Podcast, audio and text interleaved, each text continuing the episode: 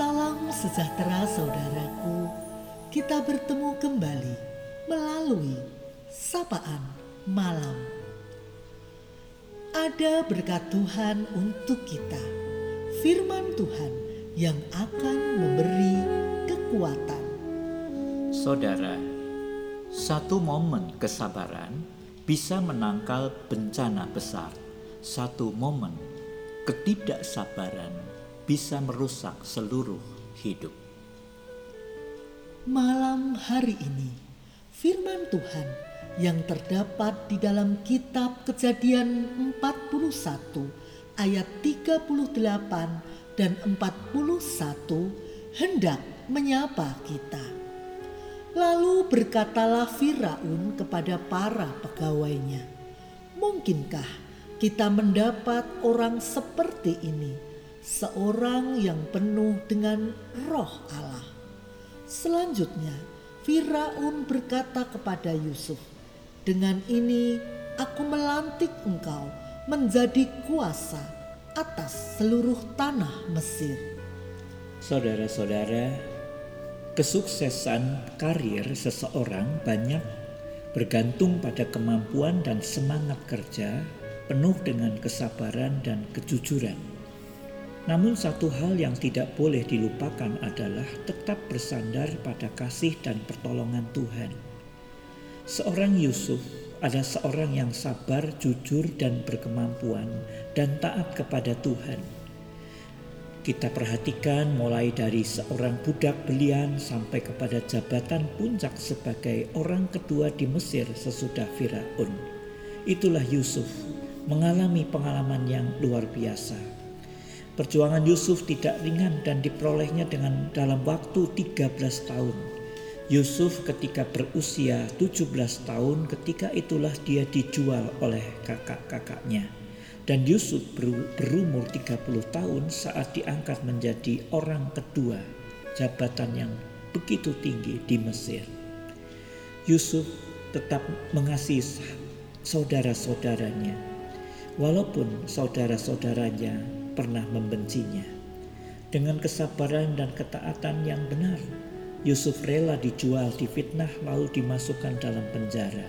Dilupakan orang yang pernah ditolongnya pada saat yang tepat, waktu yang ditetapkan Tuhan sendiri, Yusuf mendapatkan pengakuan dan penghormatan yang istimewa dari Firaun. Setelah berhasil menafsirkan mimpi Firaun, akhirnya Yusuf mendapat mandat. Firaun berkata kepada Yusuf, "Dengan ini aku melantik engkau menjadi kuasa atas seluruh tanah Mesir." Kesabaran pada akhirnya membawa Yusuf mendapat tempat dan gelar istimewa dan diberi nama oleh Firaun Safnat Paaneha yang artinya secara bebas orang yang kepadanya misteri diungkapkan. Apakah yang menjadi kendala kita dalam kesabaran? Pertama-tama, dekatkanlah diri kita kepada Allah. Mohon bimbingan Roh Kudus. Hidup mesti dilekatkan pada Roh Kudus agar dihasilkan buah roh yang adalah kesabaran dan pengendalian diri lakukan pengendalian diri supaya kita tahan uji. Ini merupakan kunci kesabaran.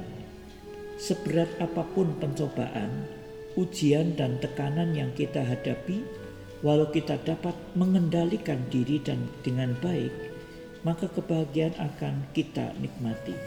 Selanjutnya mesti meyakini dan menyadari bahwa tidak ada yang mustahil dan kalau ada kemauan dan tekad yang sungguh-sungguh di situlah kita akan mendapatkan hasil yang terbaik. Selamat menjadi pribadi yang berkenan kepada Allah melalui pengendalian diri untuk bertumbuh dalam kesabaran.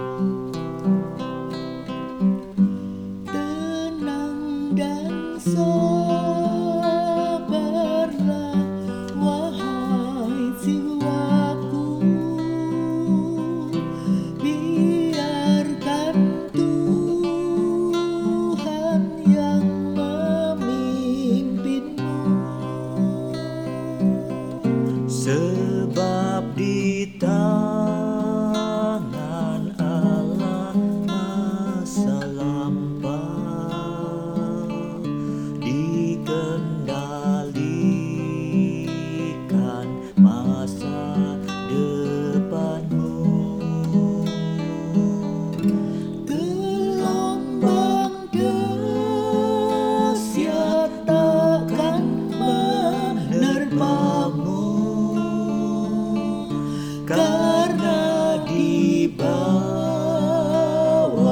kuasa Tuhanmu.